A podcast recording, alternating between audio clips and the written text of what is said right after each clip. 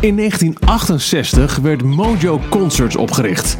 150 shows per jaar. Van Avas Live tot Paradiso, van Oosterpoort tot Ziggo Dome. 1 miljoen mensen per jaar kopen een kaartje voor een show georganiseerd door Mojo. Bij al die shows en festivals draait het altijd om de band tussen jou, de bezoeker en de optredende artiest. Maar nooit hoor je het verhaal van de mensen achter de schermen. De mensen die ervoor zorgen dat die artiest naar Nederland komt, dat daar een podium staat en dat jij een kaartje kunt kopen. Wat doen zij? Hoe komt een show, een festival tot stand?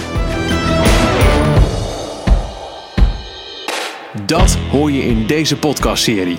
De mensen van Mojo Concerts, de mensen achter de schermen, de mensen die ervoor zorgen dat jij naar een concert kunt gaan, komen aan het woord. Welkom bij 50 jaar Mojo.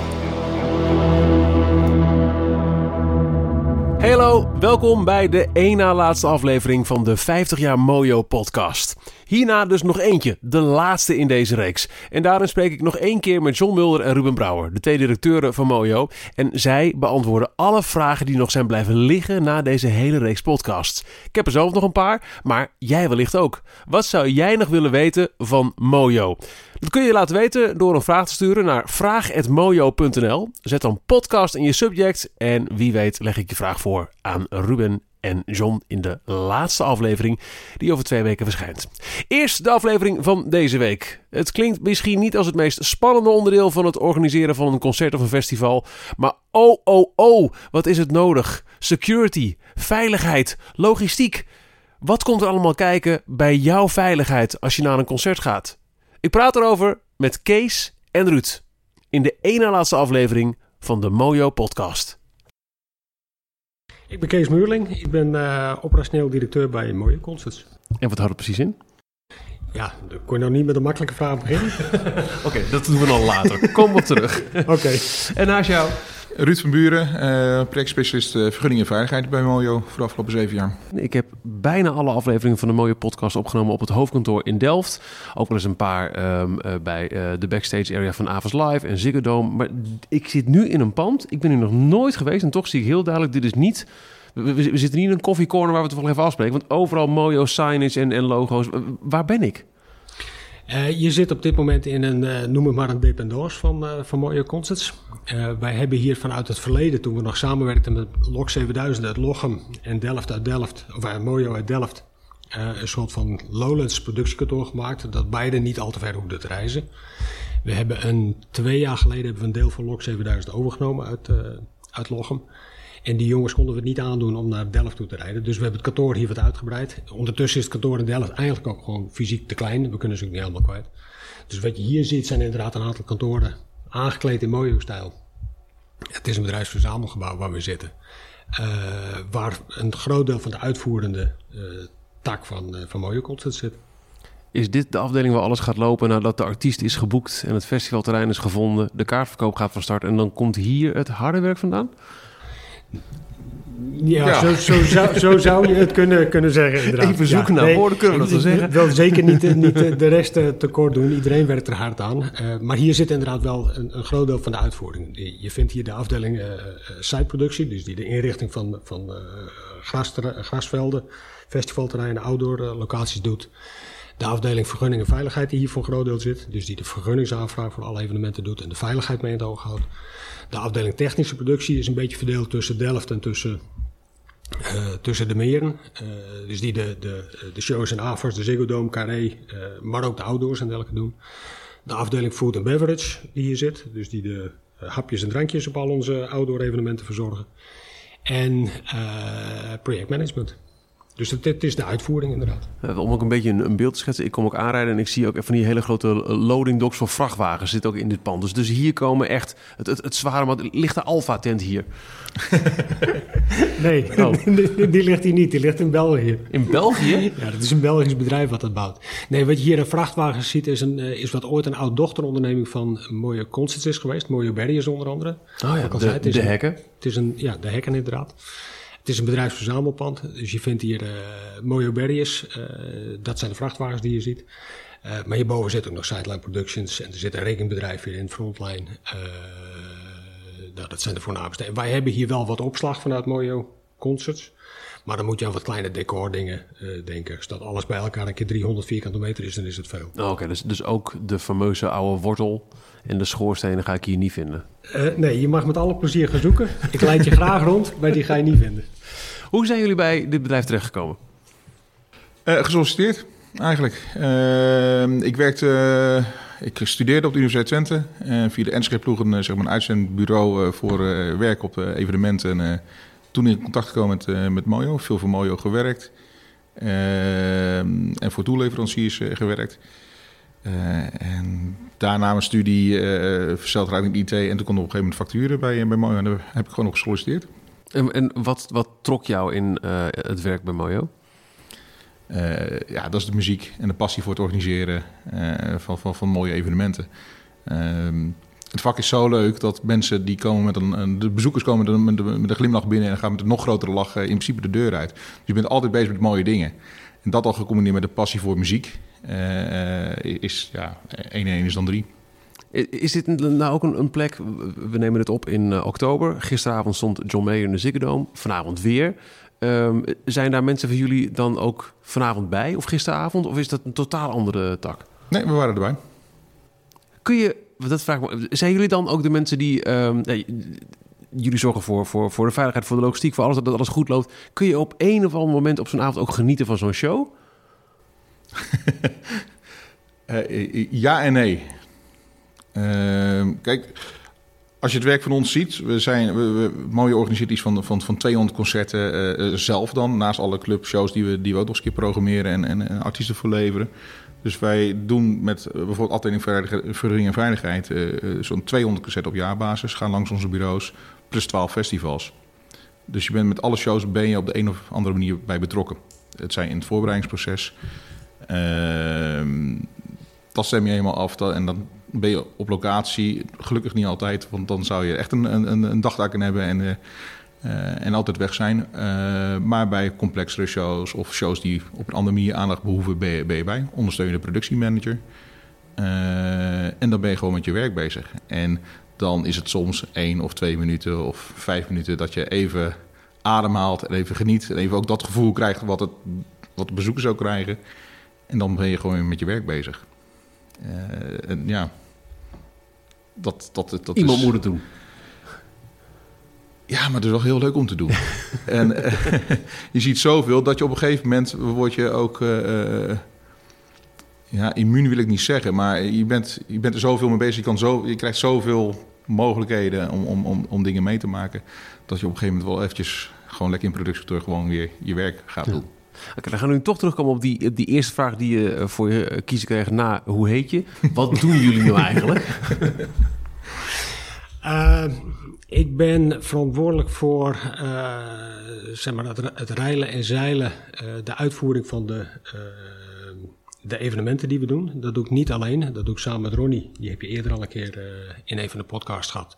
Hij doet voornamelijk, doet, is verantwoordelijk voor de festivalkant. En ik pak meer de promoted shows, dus de shows in de zalen, de outdoor shows, de stadions.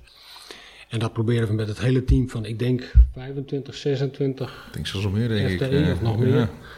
Uh, aan uitvoerende mensen uh, die we dan in vaste dienst hebben uh, in, te laten, laten gebeuren. En dat is uiteraard nog los van de enorme hoeveelheid freelancers die we daarbij inzetten op onderdelen of op kleinere, grotere onder, onderdelen. En daar de, ja, kun je meer dan, meer dan druk genoeg zijn. Dat is los van de leuke kant van de zaak natuurlijk, de uitvoering en dergelijke horen daar ook de eh, wat minder tot de verbeelding sprekende eh, zaken bij, maar niet minder belangrijk. Uh, personeelsmanagement, maar ook de wet arbeidsmarkt en balans krijgen mee te maken. Ook al dat soort onderwerpen er ook bij. Mag ik ehm, vragen naar een praktijkvoorbeeld? Ik was er zelf bij afgelopen zomer in het Goffertpark Phil Collins. Dat lijkt mij e-, een van de grotere outdoor shows die doet. Het Goffertpark is volgens mij echt een gigantische locatie. Klopt. Hoe, hoe begint zo'n zo'n zo'n concert voor jullie? Wat, zijn jullie de eerste op het veld? Nee, ik ben, ik ben zelf zeker niet de eerste op het veld. Ik uh, ben er wel over het algemeen bij. En dat geldt voor, voor Ruud niet anders. Ehm, je moet je voorstellen dat op het moment dat het, het bandje geboekt is, en die podcast heb je allemaal gehad, Mhm. eh, de tickets zijn verkocht en al dat soort zaken. Er komt een rijder van het bandje hoe groot ze eh, willen uitpakken en wat ze bij zich hebben en wat ze mee willen nemen. We weten ongeveer op hoeveel publiek we moeten insteken. Dan is, wat ik net noemde, de afdeling eh, siteproductie, die begint met het maken van een terreintekening. Nou, daar zitten we al sinds jaren en dag, dus het is een redelijk bekend eh, plaatje wat we daarvoor kunnen invullen.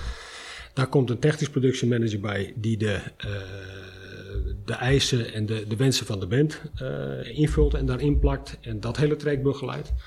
Er zit vaak, een backstage productiemanager bij die het hele backstage verhaal, dus qua kleedkamers, maar ook qua crewbestellingen of qua eh, accreditatie op het hele terrein eh, begeleidt. Tegelijkertijd gaat van de afdeling vergunning en veiligheid, er zal een vergunningsaanvraag naar de gemeente Nijmegen gedaan moeten worden. Er zal een eh, mobiliteitsplan opgesteld moeten worden, wat binnen hun eh, kader hoort. Er zal een veiligheidsplan opgesteld moeten worden. Nou, dat telt op tot een enorm boekwerk aan, aan plannenmakerij. Dan is de afdeling eh, Food and Beverage die nog eh eh, zijn zegje doet over ik wil daar een bar, ik komt daar komt een, de frikandellen meneer of de, de bitterballen meneer. Of de, de swirls, als je het over ijs gaat, gaat hebben.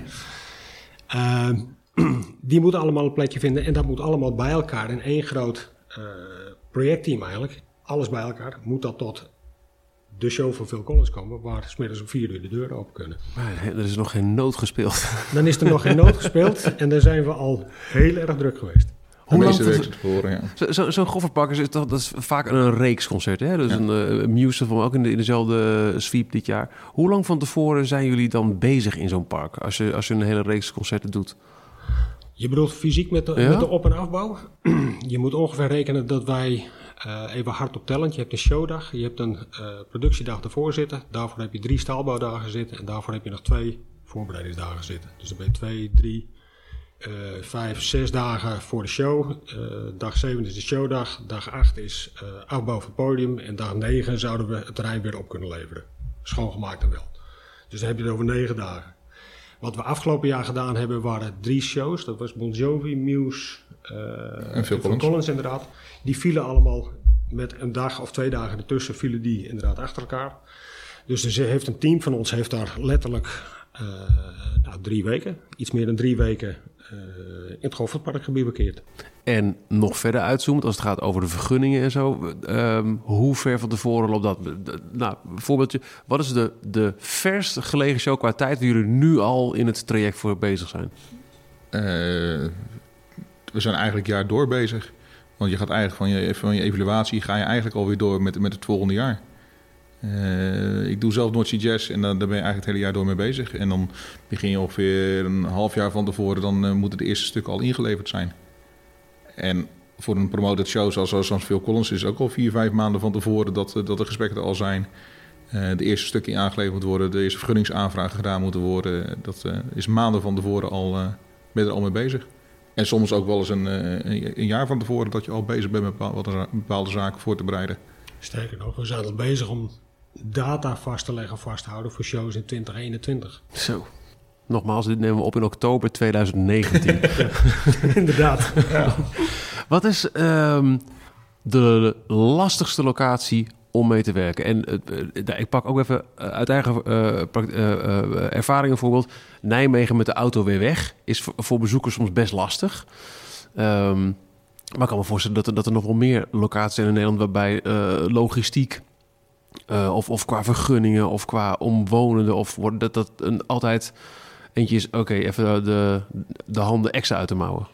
Er is eigenlijk niet een eenduidig antwoord op te geven. Dat, en en dat, dat is niet om flauw te zijn, maar ik denk dat dat heel erg afhangt naar waar je naar kijkt. Het is voor.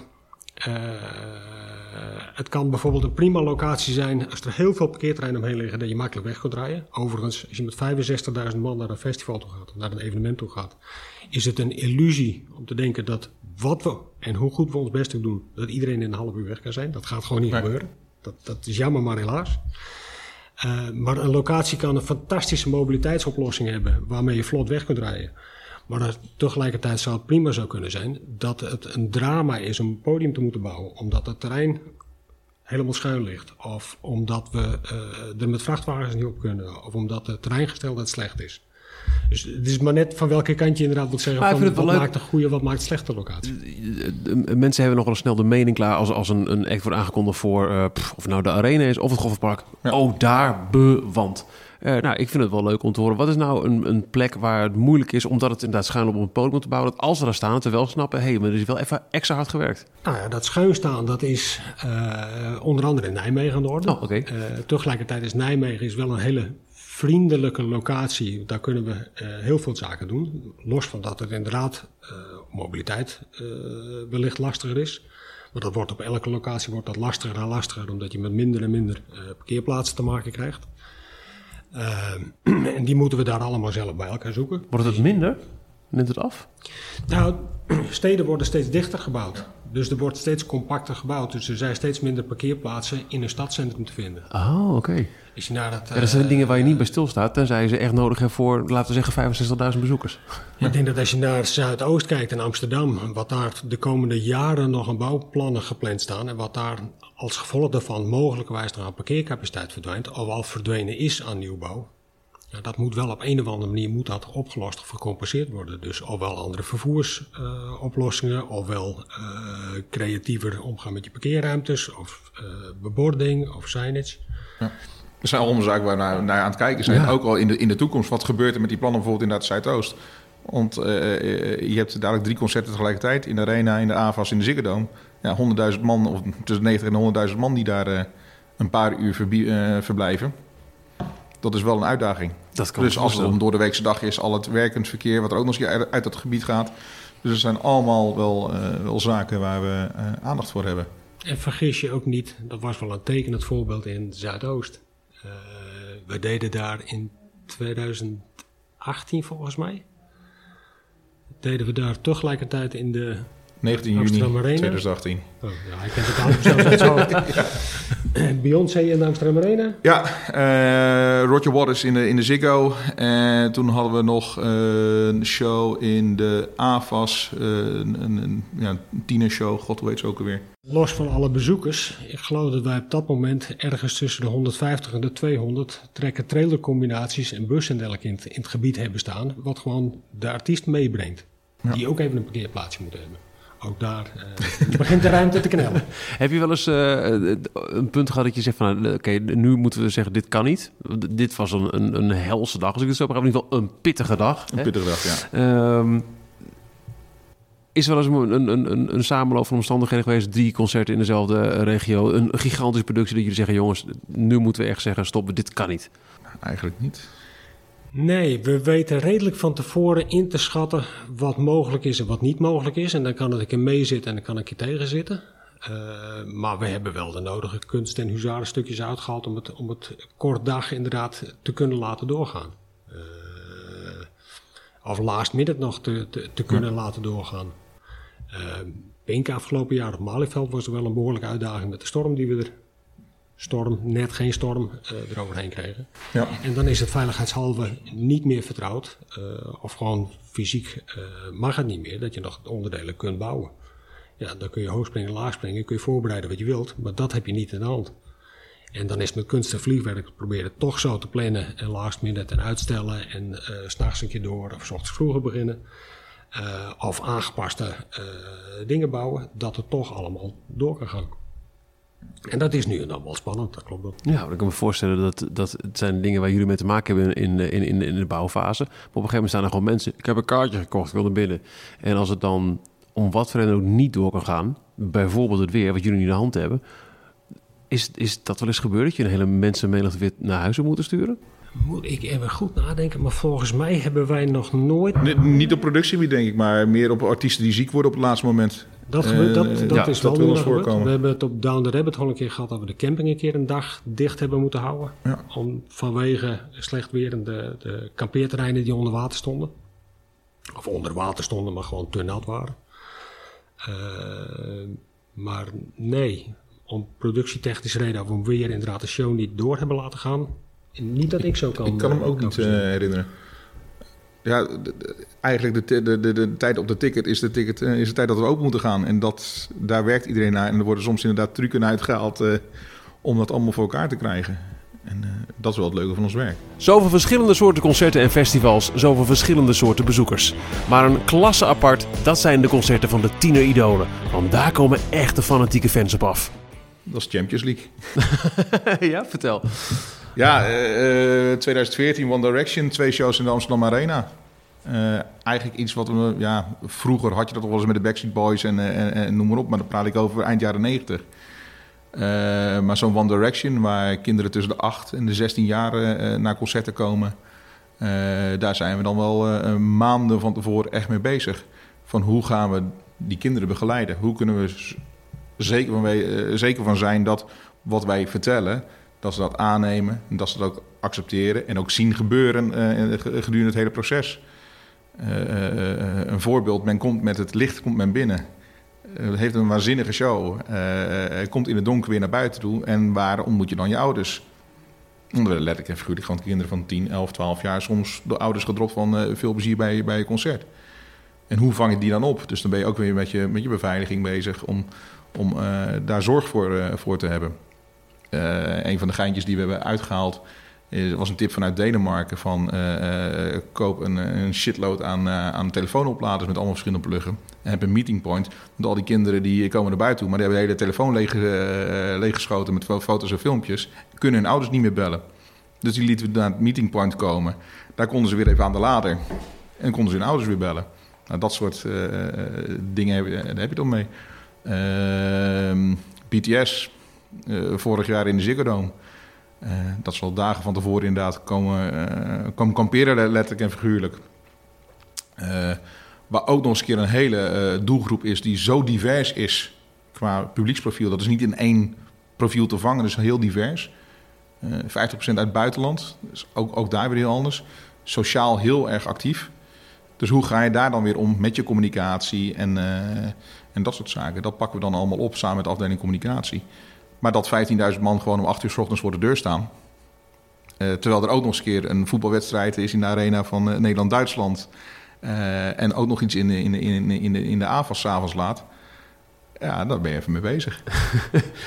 Vallen uh, kamperende tieners onder jullie verantwoordelijkheid? Want ja, je zegt net al heel duidelijk, de, de, de, de aanvangstijd op het ticket, dat is, dat is het doel, dat is de finishlijn. Ja. Maar ja, als daar al vier dagen van tevoren gezellig wat tentjes worden neergezet... Dat is, een, eh, dat is een hele goede vraag.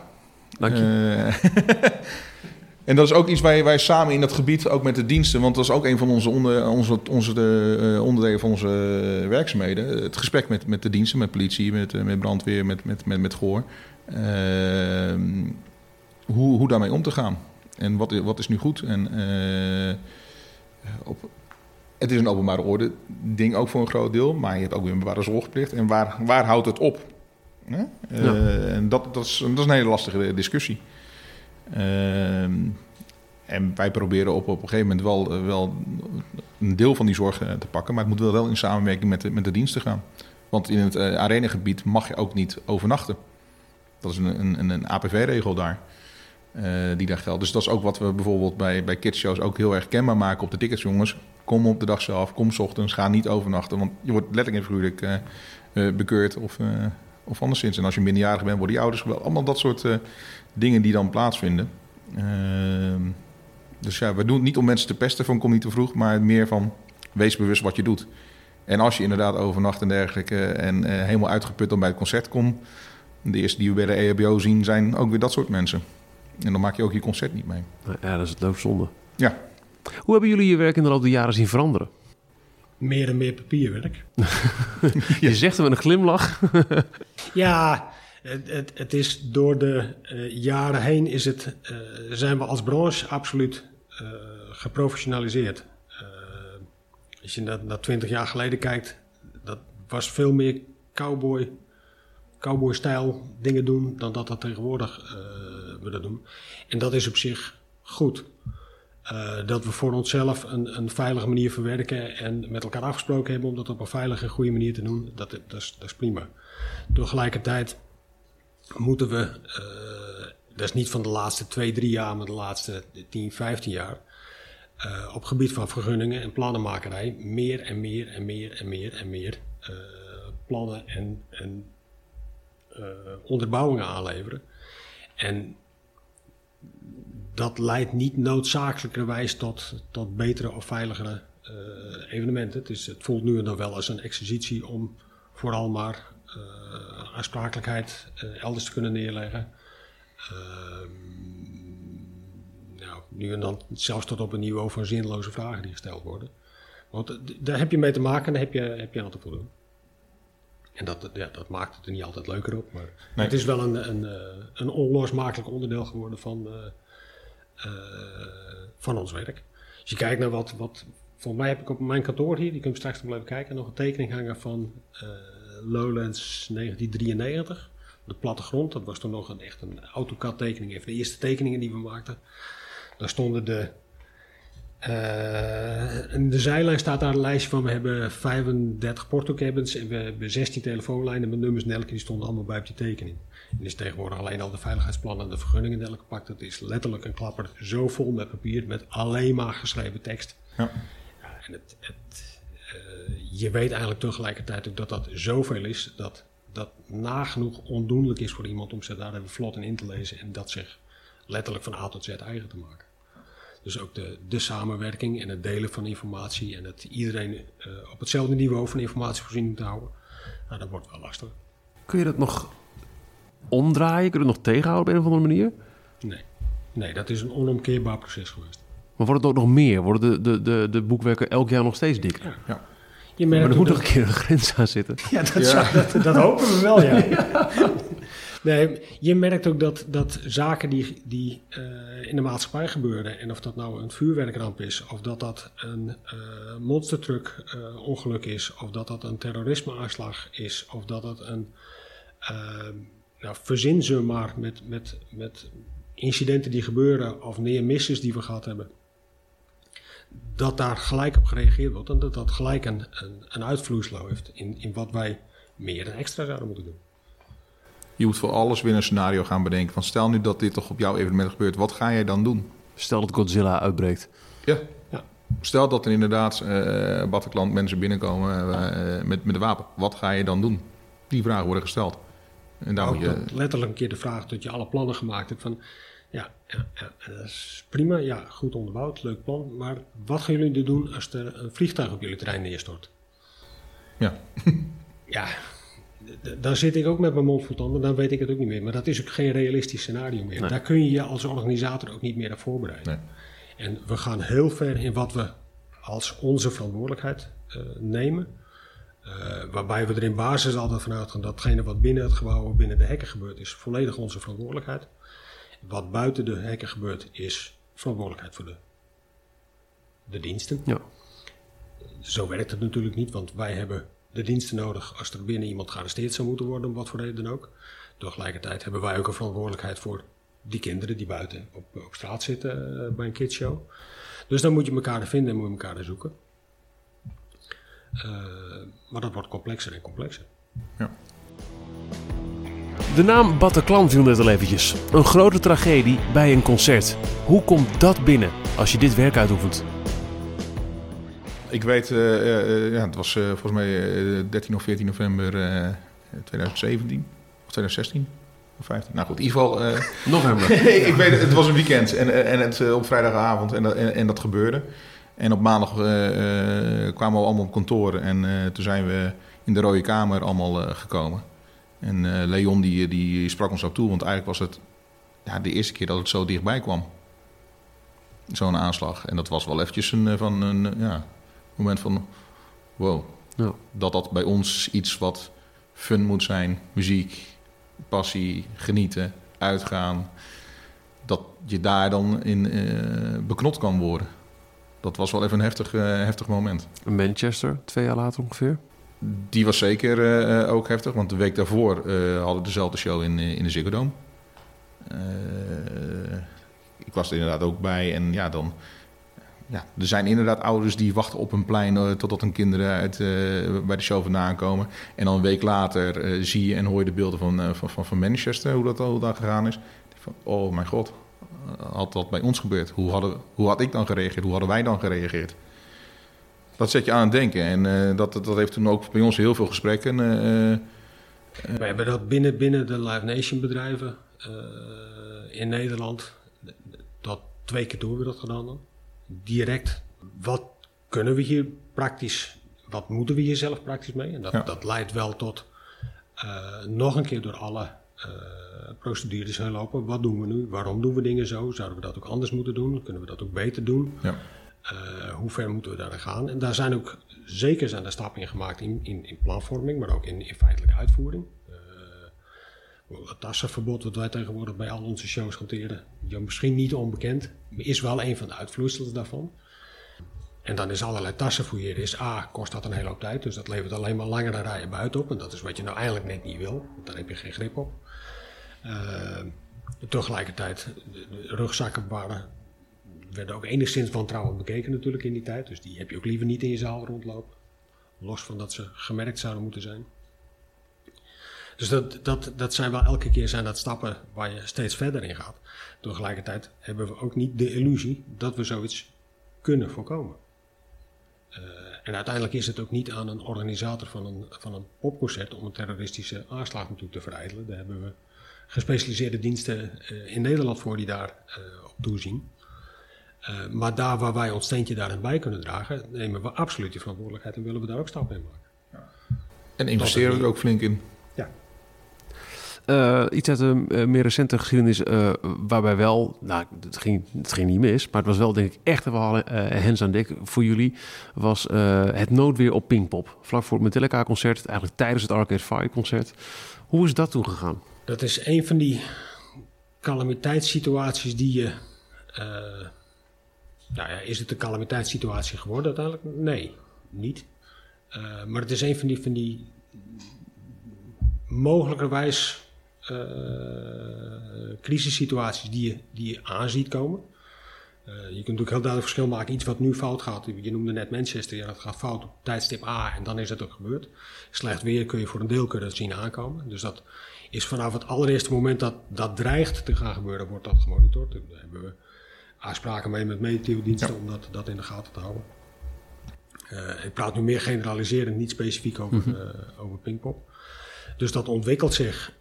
ja, dat is een, een continue afweging van: oké, wat doet het weer? Wat, eh, wat zijn de stappen die we op dat moment kunnen on- ondernemen? Stel dat het inderdaad misgaat op het moment dat we het, het publiek nog de band staat te spelen of net op moet. Van wat zijn dan de, de grootste risico's die we, die we lopen? Dus je kunt in geval van Pinkpop is uiteindelijk het eh, voorste vak voor de bühne is ontruimd. Eh, niet zozeer dat we bang waren dat het podium om, omver eh, zou waaien. Maar wel de apparatuur die erin hangt, of de videoschermen die erin hangen. Ja, die zouden wel in stukken kunnen waaien. En die zouden wel voor de bühne kunnen, kunnen eindigen. Dus dan ontruim je zo'n gebied.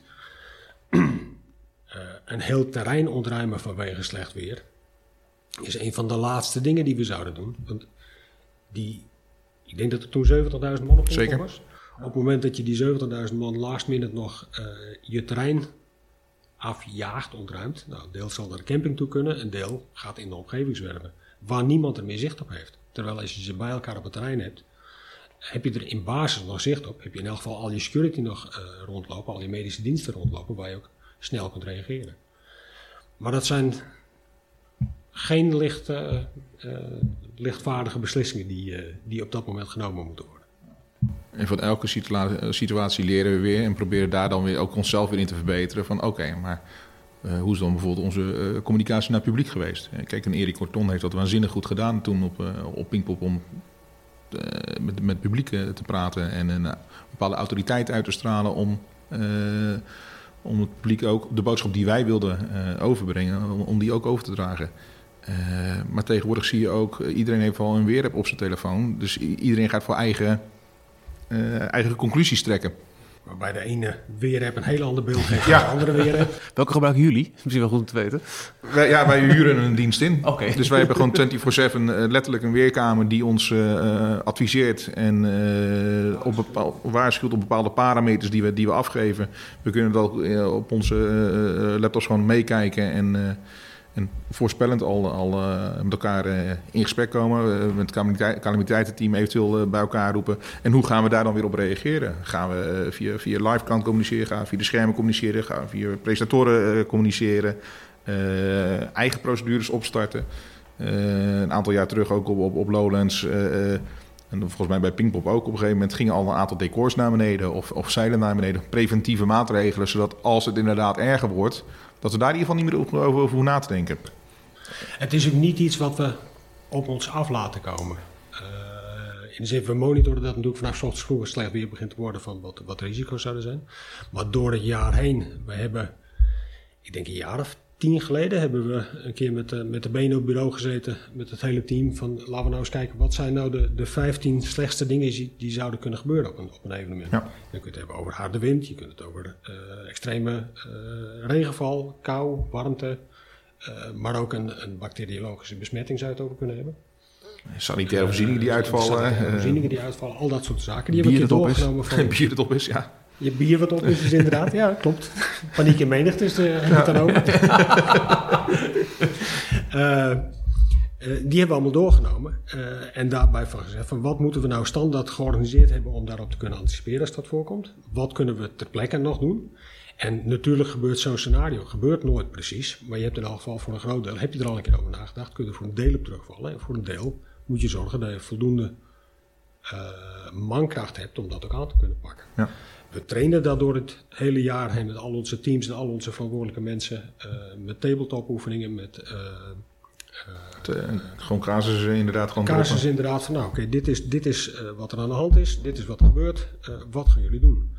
En niet omdat die casussen nou mogelijkerwijs gaan gebeuren, maar wel om onze, met name de, de, de, de, de hogere lagen, de, de, degene die uiteindelijk de beslissingen moeten nemen en verantwoordelijk zijn om die uh, uh, te trainen in hoe pak je zoiets aan, hoe neem je gestructureerd daar beslissingen in, hoe zorg je dat je team daar ook in mee kan gaan, dat die beslissingen en dat beeld en de, de besluiten dergelijke helder genomen worden.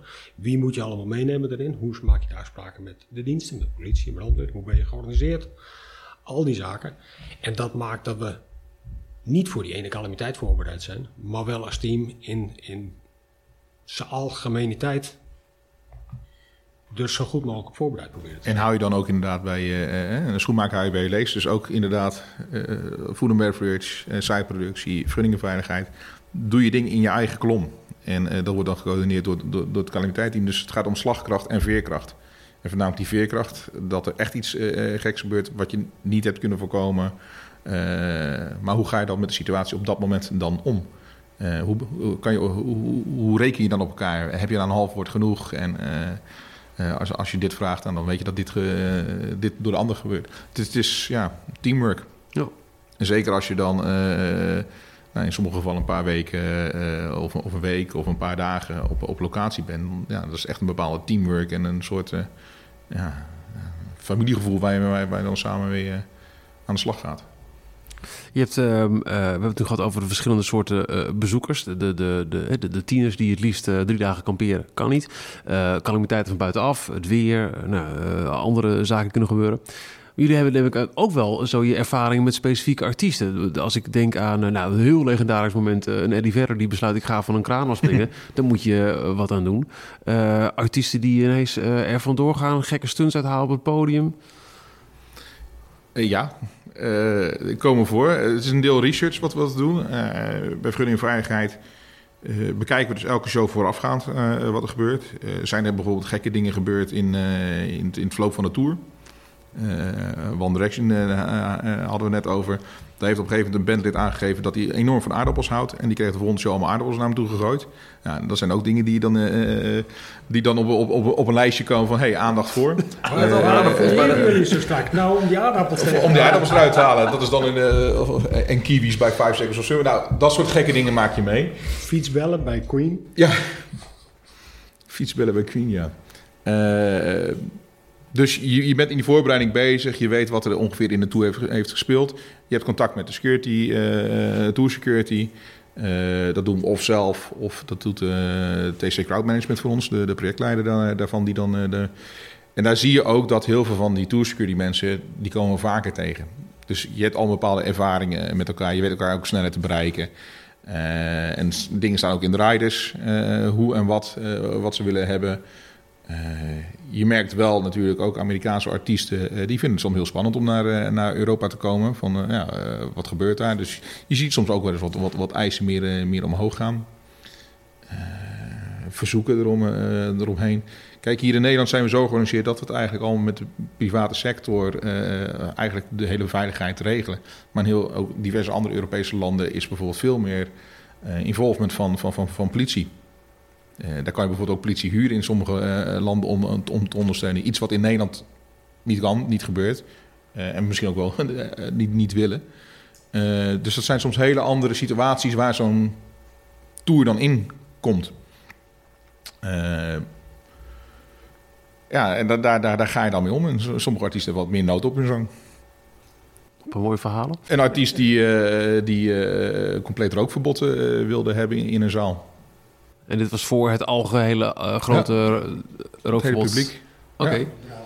Voor mij was dat dezelfde artiest die veganistisch is of vegetarisch is. Die voor het volledige stadion verbiedt dat er vlees gebruikt wordt. Ja nou, de welbekende politie-escortes. Uh, ja, politie-escorten die aangevraagd worden. personeel wat geleverd moet worden. Uh, je, je, je kan het soms gek niet bedenken. Langs. Het is nu en dan, verzin je ze niet. Uh, tegelijkertijd denk ik ook dat de meest idiote dingen, ook die, ook die kant is geprofessionaliseerd. Ja. Ook die kant is niet meer die cowboy-tijd van destijds. Uh, voor mij hebben we ooit een keer op Guns N' Roses zitten wachten voor een show. Terwijl Axel nog in, uh, terwijl hij op het podium had moeten staan, voor mij nog in Zwitserland zat. Ja. Die dingen gebeuren. Ik kan me ook een verhaal herinneren van, uh, van uh, een, een, band die ooit op Lowland stond. Die hebben zo'n golfkarretje uh, gejat. Wat backstage voor heel veel vervoer wordt gebruikt. Voor productiezaken. En die zijn uiteindelijk ergens op de dijk zijn ze, aangehouden. Want toen was hij stilgevallen. Die weet ik niet. Dat zou zomaar gebeurd kunnen zijn. Ik weet wel van een ander, andere artiest. Daar was ik toevallig zelf s'nachts bij. Die wist ik veel. Ik, ik, ik, ken ook al die artiesten niet. Uh, maar inderdaad, melding dat er een golfkarretje gestolen was van een schoonmaker. En de schoonmaker was aangevallen en paniek. En uh, de mensen waren onderweg naar, uh, naar de, de busparkeerplaats net naast de productiekantoor prima. Ik was toevallig op productiekantoor samen met een collega, dus we waren met z'n tweeën naartoe. En zien inderdaad wat mensen bus induiken. Dus wij naar die bus toe, die bus kloppen. En uh, nou, uh, kom eruit, verhaal aangehoord van de schoonmaker, zo, zo. Jongens, kom die bus uit, niet gelopen zeuren. Ik wil jullie even spreken. Nou, lang verhaal kort. We hebben ze vermanen toegesproken. We hebben de rijbewijzen gekopieerd. Uh, maar het bleek de headliner van de, die avond op de Alfa te zijn die we met z'n tweeën met een opgeven vingertje ja. even vermanen toestonden te spreken. Ja. We hebben ook nog een artiest gehad uh, uh, die, die met twee shows achter elkaar deed. En op een gegeven moment, de party was weg naar het hotel, dachten we. En schijnbaar hadden ze ook in de tour nog wat go-karts bij zich, gewoon karts. En schijnbaar was er toch nog één of twee van, de, van van de artiestleden uh, toch achtergebleven. Die bleef overnachten daar in de tourbus die nog uh, op de locatie stond. En die is een partijtje gaan rijden door een parkeergarage heen. En dat is inderdaad, inderdaad ook wel uh, op, op een gegeven moment gepakt. En, was toch die hele grote zaal met die parkeergarage eronder? Waar ze rond ja, ja, ja, klopt. Die waren daar eventjes een, een, een Mario Kartje aan ja. het... Mario Kartje aan het doen. Ja, dat, dat, dat ja, mag. En maar ook de leuke dingen, want voor mij was dat dezelfde, die wel, elke keer is die in welk land hij dan ook optreedt, die wil een voetbalwedstrijdje houden tegen de lokale productie. Ja. Ja, daar staan onze jongens dan tegen de wereldsterren te voetballen. Dat is ook leuk. En soms inderdaad ook dat niemand het door heeft hoor. Dat, dat bijvoorbeeld voor volledig, uh, voor, uh, ook, ook, ook zo'n artiest gewoon uh, de Ziggo Dome uitloopt en gewoon op het, het P-Noord op de trainingsveld van Ajax uh, dan inderdaad tegen productie aan het voetballen is. En geen enkele bezoeker die, die in de rij staat, die door heeft dat die artiest gewoon even daar aan het voetballen is. En nou, dat zijn ook wel gave dingen om, om, om, om wel mee te maken hoor. Ik heb eigenlijk nog één vraag. Uh, en daarmee sluit ik elke aflevering van de, de mooie podcast af. Wat is het allerbeste concert wat je ooit hebt gezien? Je hebt uiteindelijk gekozen voor een, een, een, uh, een beroep in dit vak, in, uh, in, in, de concert- en de festivalwereld. Daar moet ooit een vonk zijn overgesprongen. Maar het kan ook natuurlijk best zijn dat die ervaring, het beste concert ooit, heeft plaatsgevonden terwijl je met je werk bezig was. Dus iets wat of voor de tijd heeft plaatsgevonden, of juist terwijl je er al middenin zat. Maar wat is het allerbeste concert wat je ooit hebt meegemaakt? Metallica in Jakarta. Waarom?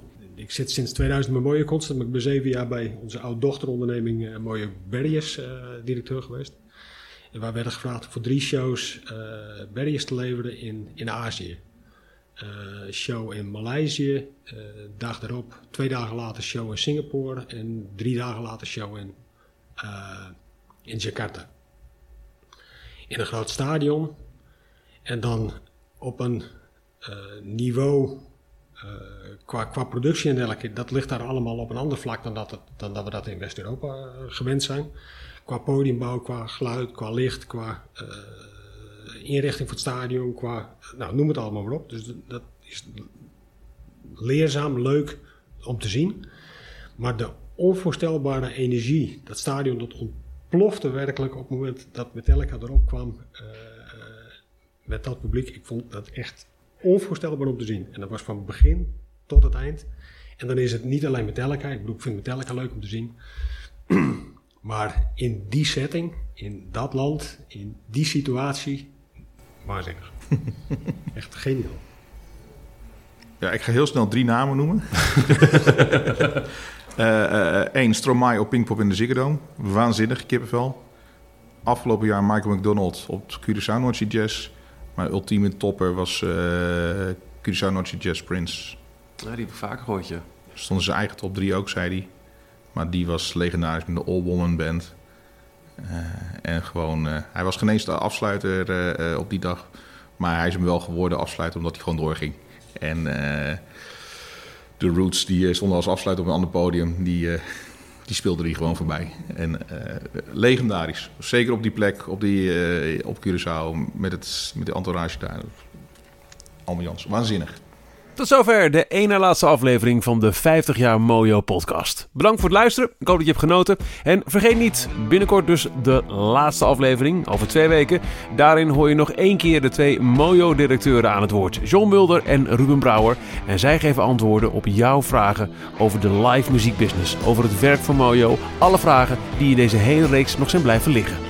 Kom maar door. Je kunt ze sturen naar vragen.mojo.nl. Zet podcast in het onderwerp en wie weet hoor je jouw vraag in de laatste aflevering terug.